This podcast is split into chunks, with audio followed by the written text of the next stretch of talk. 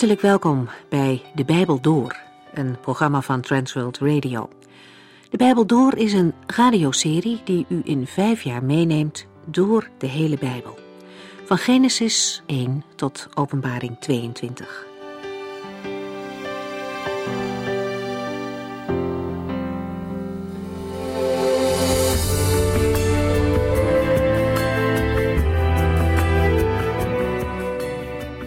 Als u deze serie volgt, dan weet u dat we bezig zijn met het Bijbelboek Jozua. Mocht u een aflevering gemist hebben, kijkt u dan op www.transworldradio.nl. In de rechterbovenhoek kunt u klikken op de Bijbel door. Het boek Jozua is een boek voor het nageslacht, vol met herinneringen aan Gods genade voor zijn volk. Voorgaande keer kwamen hoofdstuk 12, 13 en 14 aan de orde met de overwinningen die de Heer aan Israël heeft gegeven. Voor ons kan de opsomming van gebieden en koningen behoorlijk eentonig zijn, maar het geeft wel een duidelijk beeld van wat er door de Heere is gedaan. Het laat zien hoe trouw God is aan alles wat hij ooit aan Abraham beloofd heeft. Want hier gaan al die beloften in vervulling. Jozua 12 noemt veel namen van koningen.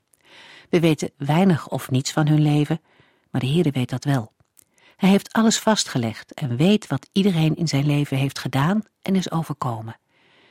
Die gedachte is voor Gods kinderen ook een geweldige bemoediging. Alles is bij de Heerde bekend. God is betrokken bij de grote, maar ook bij de kleine dingen in ons leven. Vanaf hoofdstuk 13 volgen allerlei gedeelten over de verdeling van het land onder de Israëlieten. Elke familie kreeg een stuk land, zoals de Heere het wilde. Jozua is hier al een oude man geworden. Hij is halverwege de tachtig. De Heere zegt dan tegen hem dat er nog veel land is wat niet veroverd is, zowel in het noorden als in het zuiden. Jozua mag dat bij voorbaat al gaan verdelen, hoewel het nog veroverd moet gaan worden. En in hoofdstuk 14 komt Caleb naar voren. Hij was de verkenner die samen met Jozua 45 jaar geleden God al op zijn woord durfde te geloven. Hij is de Heere ook verder trouw gebleven. Nog steeds is hij een sterk man. Hij geeft aan dat hij nog dezelfde kracht heeft om te strijden als vroeger. Daarom wil hij graag het bergland rond Hebron in bezit gaan nemen. Ook al zijn er nog Enakieten met sterke steden. Caleb wijst op de Heere, want als God met hem is, dan zal hij de vijand overwinnen, net als vroeger. Caleb is een mooi voorbeeld van iemand die bij het ouder worden niet ophoudt om de beloofde zegen van God in bezit te nemen. Ook geestelijke strijd stopt niet met het ouder worden, maar wie op de Heere blijft vertrouwen, mag leven in zijn overwinning. Het vervolg staat in hoofdstuk 15.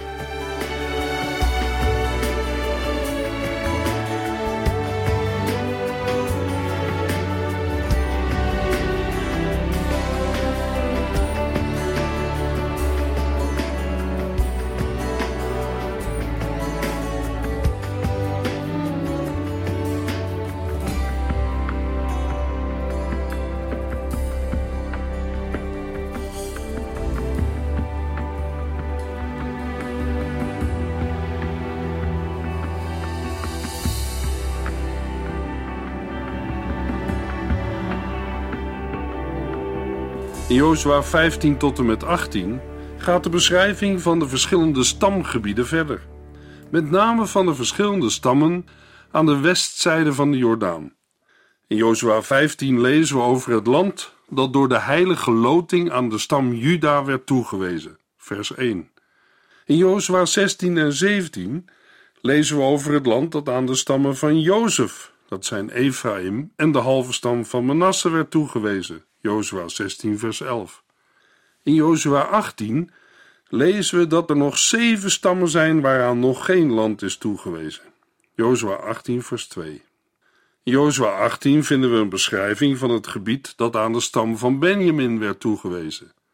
In Jozua 19 vinden we de beschrijvingen van het land van de overige stammen: Simeon, Zebulon, Issachar, Aser, Naphtali en Dan. Voor het volk Israël zijn deze hoofdstukken belangrijk. Voor ons ligt dat anders. Zoals ik al in een eerdere uitzending heb aangegeven, het is interessant en leerzaam om met een Bijbelse atlas, met een kaart uit de tijd van Jozua, het gebied dat de Heere Israël heeft gegeven na te gaan en te bestuderen.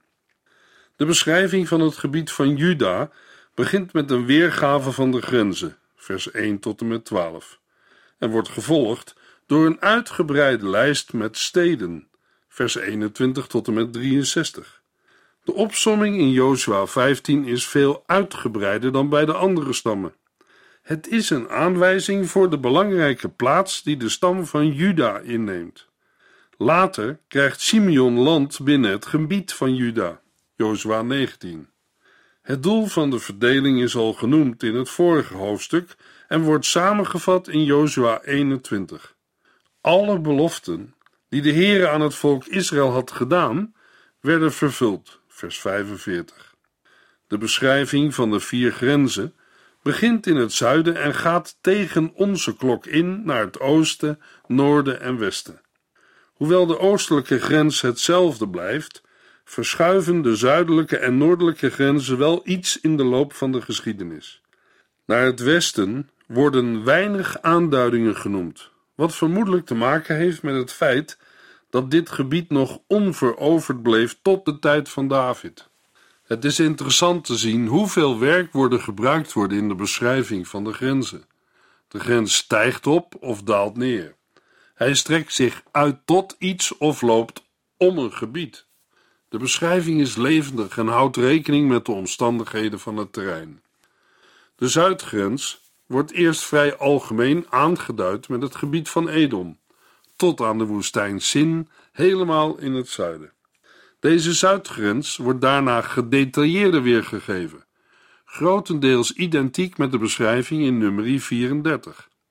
De oostgrens is eenvoudig te omschrijven en loopt langs het water van de Dode Zee tot de meer noordelijk gelegen uitmonding van de Jordaan in de Dode Zee. Van de vier grenzen wordt de noordgrens het uitvoerigst beschreven. Een opvallend punt vinden we in vers 8. In de Hebreeuwse grondtekst lezen we in dit vers dat de grenslijn het dal van Hinnom volgt, langs de zuidelijke berghelling van de Jebusieten, dat is van Jeruzalem. Dat betekent dat de stad Jeruzalem ten noorden van Juda ligt en bij de stam van Benjamin hoort en niet bij Juda. De grens komt noordwaarts uit bij de bergrug van Ekron en eindigt bij de zee. De westgrens valt samen met de Grote Zee en de kust, dat wil zeggen de kust van de Middellandse Zee. Jozua 15, vers 13 en 14. De Heere droeg Jozua op een gedeelte van het land van Juda aan Caleb, de zoon van Jefunne, toe te wijzen. Deze kreeg de stad Kirjat Arba, die ook wel Hebron werd genoemd. De stad ontleende haar naam aan Arba, de vader van Enak. Caleb verdreef de drie zonen van Enak en hun volken, Sesai, Achiman en Talmai. Midden in de beschrijving van het grondgebied van Juda, tussen de aanduiding van de grenzen en de opsomming van steden, is een geschiedenis ingelast. Het doel ervan is vergelijkbaar met een eerdere vermelding over Caleb in Jozua 14, namelijk het geven van een voorbeeld van geloof en moedig handelen voor de Israëlieten. De geschiedenis komt bijna woordelijk terug in Richteren 1, vers 10 tot en met 15. Jozua 15, vers 15 tot en met 19. Daarna bond hij de strijd aan met de inwoners van de stad Debir, die vroeger Kirjat Sefer werd genoemd. Caleb ging zelfs zo ver dat hij zijn dochter Achsa als vrouw wilde geven aan degene die Kirjat Sefer veroverde. Otniel, de zoon van Calebs broer Kenas, was degene die de stad innam en zo werd Achsa Otniels vrouw. Toen zij na het huwelijk met hem wegging, drong ze er bij hem op aan dat hij haar vader een stuk grond moest vragen, bij wijze van huwelijksgeschenk. Ze stapte van haar ezel om dit met Caleb te bespreken. Wat is er? vroeg hij. En ze antwoordde: Geef mij nog een geschenk. Het land dat u mij nu hebt gegeven is ontzettend droog. Geef mij op zijn minst enkele bronnen. Toen gaf hij haar de laaggelegen en hooggelegen bronnen. Caleb belooft zijn dochter Achsa tot vrouw aan degene die Kirjat Sefer aanvalt en inneemt. Otniel, de zoon van Kenas, de broer van Caleb, doet dit en krijgt Achsa tot vrouw. Deze Otniel is de latere richter, genoemd in Richteren 3 vers 9. Bij haar aankomst spoort Achsa hem aan om van haar vader een stuk grond te vragen. Vervolgens komt ze van haar ezel af, waarop Caleb aan haar vraagt wat ze wil. Het lijkt erop dat het verzoek van Otniel ingewilligd is en dat zij nu een tweede verzoek doet. Ze vraagt om een huwelijksgeschenk, een gift of zegen. Omdat het geschonken land door is, vraagt Achsa om waterbronnen. Daarop geeft Caleb aan haar hoog en laag gelegen waterbronnen. Zoals Caleb voor zijn nageslacht ten zegen is geweest, is zijn dochter Achsa dat op haar beurt ook weer. Zij toont dezelfde moed en doortastendheid als haar vader. Een dergelijke houding wordt positief gewaardeerd, zoals ook blijkt uit de geschiedenis van de dochters van Selofgat in nummer 36 en Jozua 17. Vrouwen namen in Israël geen slaafse positie in. In het Nieuwe Testament staan ook voorbeelden van vrouwen die een zegen vragen, met name voor hun kinderen. Matthäus 15 en Matthäus 19. In een afsluitende opmerking wordt in vers 20 gezegd dat dit het grondgebied is dat aan de stammen van Juda werd toegewezen. Na de beschrijving van de grenzen en de passage over Caleb en Achsa volgt in de versen 21 tot en met 63 een opsomming van steden per regio. Er zijn totaal elf groepen steden in de Hebreeuwse tekst, samengevat in vijf gebieden, terwijl de Griekse vertaling er twaalf heeft in zes gebieden.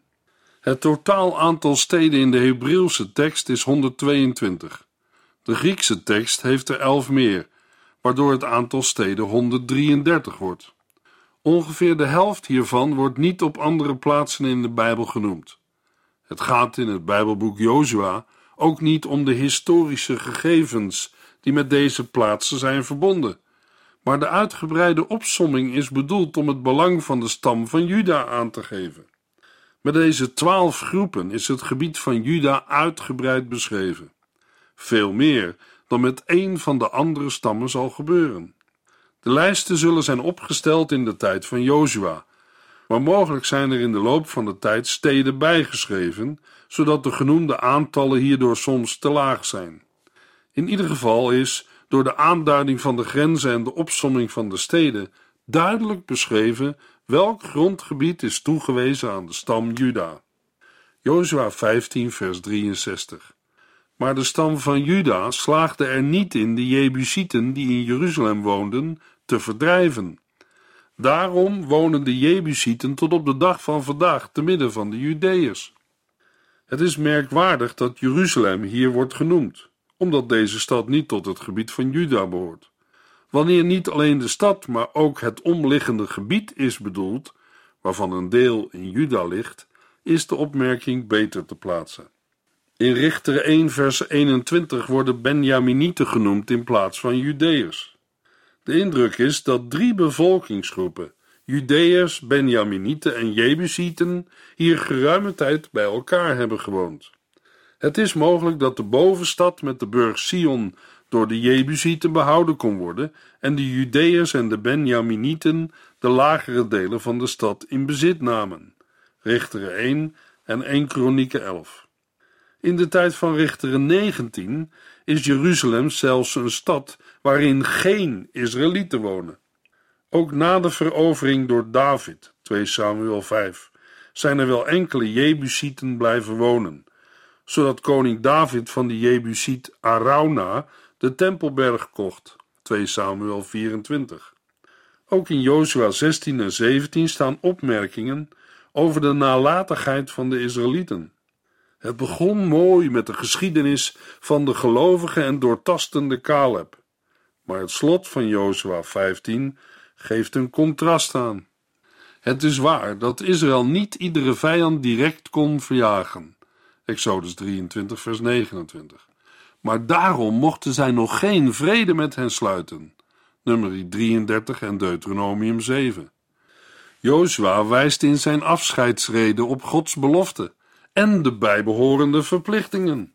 Jozua 23, vers 5. In geen geval mocht Israël zich vermengen met de nog overgebleven volken. Ook vandaag zullen christenen de consequenties moeten beseffen van een extra bevoorrechte positie, zoals verwoord in Hebreeën 10, vers 28 tot en met 31 en Hebreeën 12, vers 25. Jozua 16, vers 1. De zuidgrens van de stammen van Jozef, dat zijn Ephraim en de halve stam van Manasse, liep van de Jordaan bij Jericho door de woestijn en het heuvelgebied naar Bethel. In Jozua 16 komt het erfdeel van Jozef ter sprake. Manasse en Ephraim, de beide zonen van Jozef, ontvangen een deel van het centrale bergland ten noorden van het gebied dat later wordt gegeven aan Dan en Benjamin en ten zuiden van de vallei van Jisrael. De helft van de stam van Manasse heeft al een deel gekregen in het overjordaanse, Jozua 13. In de eerste vier versen komt het gezamenlijke gebied ter sprake. Daarna het land van Ephraim en vervolgens, in Jozua 17, het gebied van de halve stam van Manasse. De indeling is zeer oud en mede daarom is er al in de tijd van David onderscheid te merken tussen Juda en Israël, ver voor de scheuring tussen het twee- en tienstammenrijk. Ter afsluiting volgt in Jozua 17, vers 14 tot en met 18 een gesprek tussen de twee stammen van Jozef en Jozua. Jozua 16, vers 10. De Canaanieten die in Gezer woonden, werden nooit verdreven en wonen daarom nog steeds als slaven onder het volk van Ephraim. Gezer was Ephraims uiterste zuidwestpunt een strategische stad ruim 25 kilometer ten westen van Jeruzalem. Ook de onveroverde gebieden werden toebedeeld. Jozua 13. Jozua heeft een zware nederlaag toegebracht aan Gezer en de koning van Gezer gedood. Het falen van de Israëlieten om de Kanaanieten te verdrijven komt ook naar voren in Jozua 15 en 17. De inwoners van Gezer werden wel tot slavenarbeid gedwongen te vergelijken met het werk dat de Israëlieten moesten verrichten in Egypte. Volgens Deuteronomium 20 mochten de Israëlieten dit opleggen aan volken die ver weg woonden, maar niet aan de Canaanieten.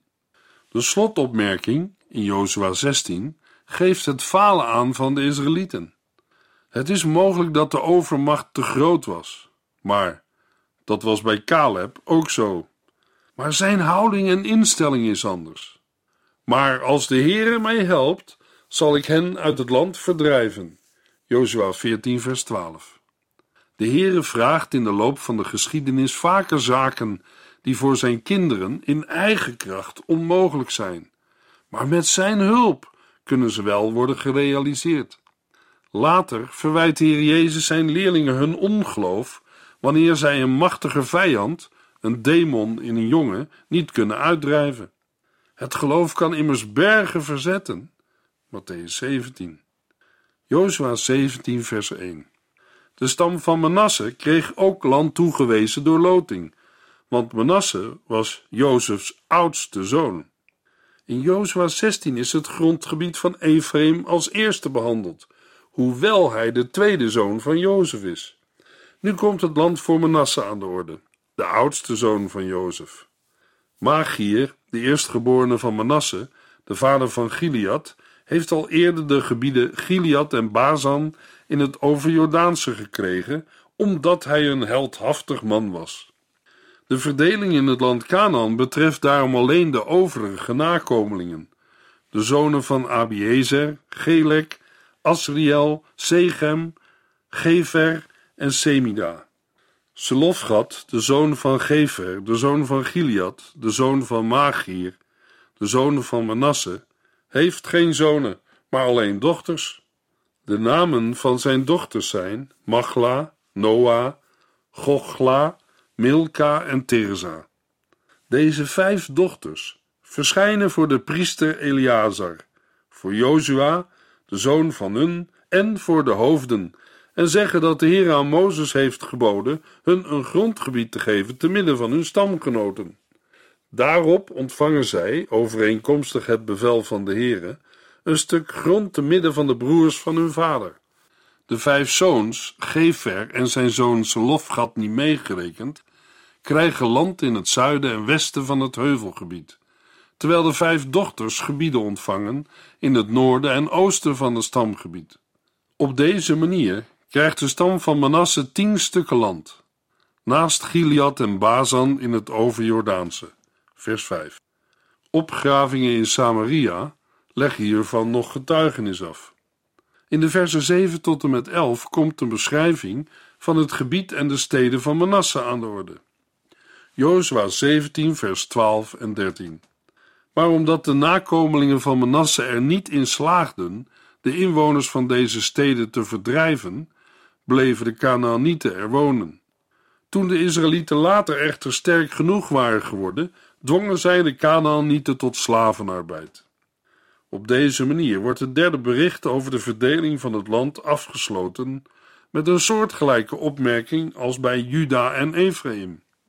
Hetzelfde geldt ook voor het overjordaanse, Jozua 13.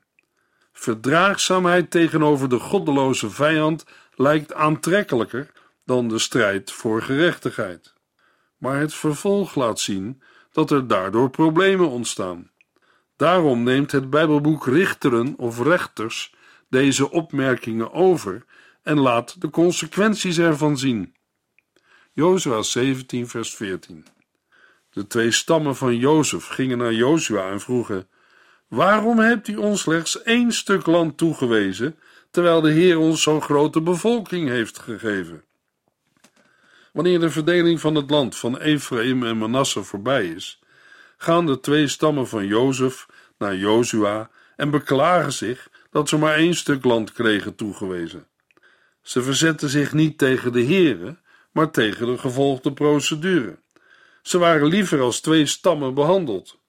Inhoudelijk is hun klacht nauwelijks gerechtvaardigd, omdat Manasse al een groot gebied in het overjordaanse heeft ontvangen.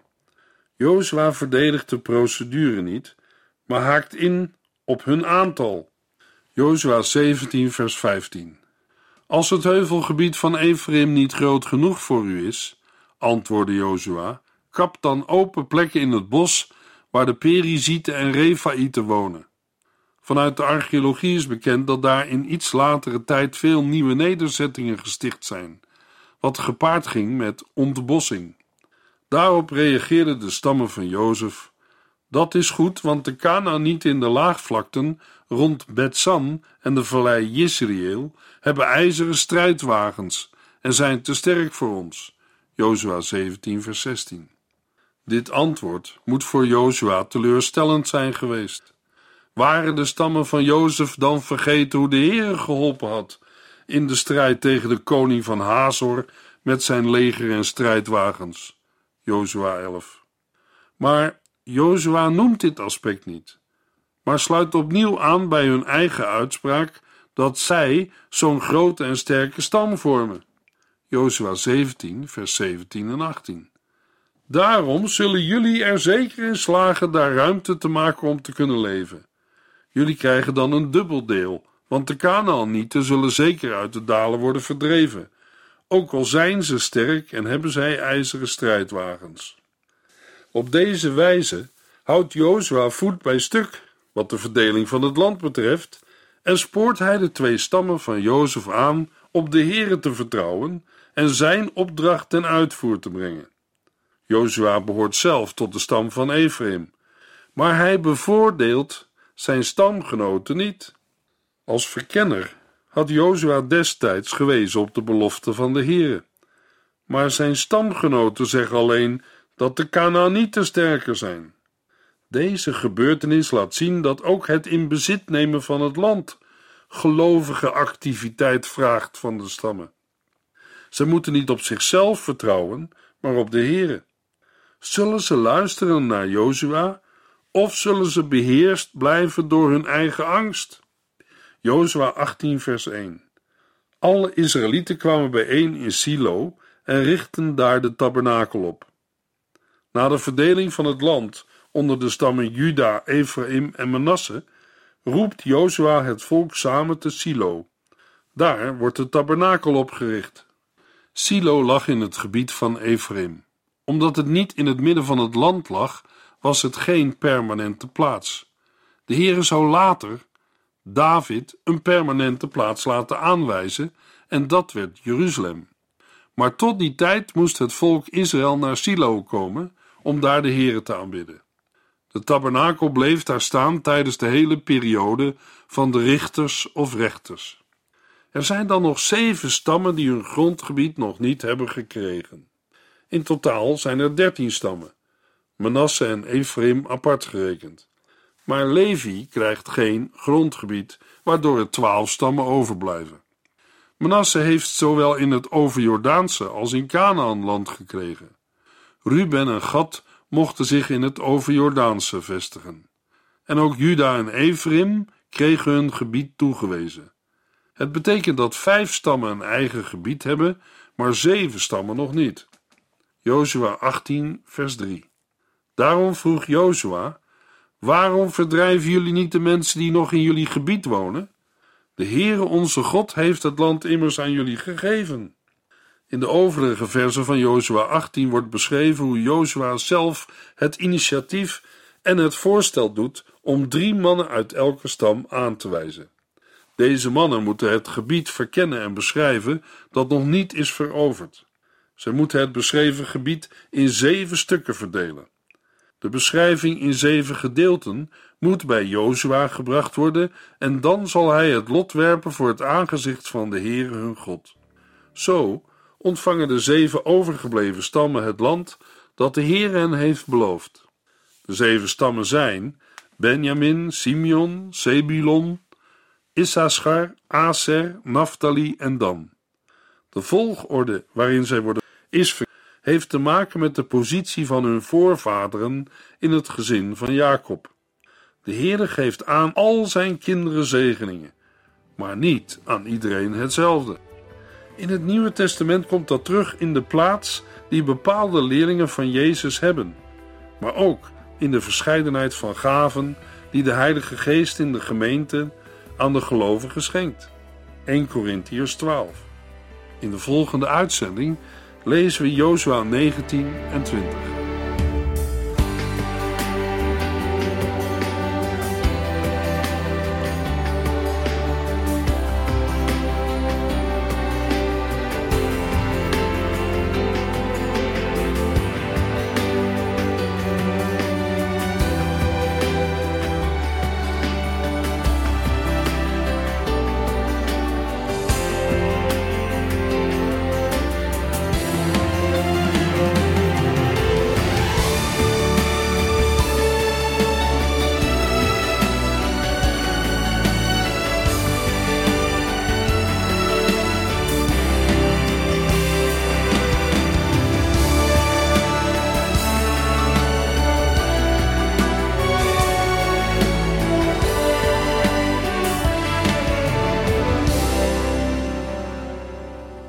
Heeft geluisterd naar De Bijbel Door.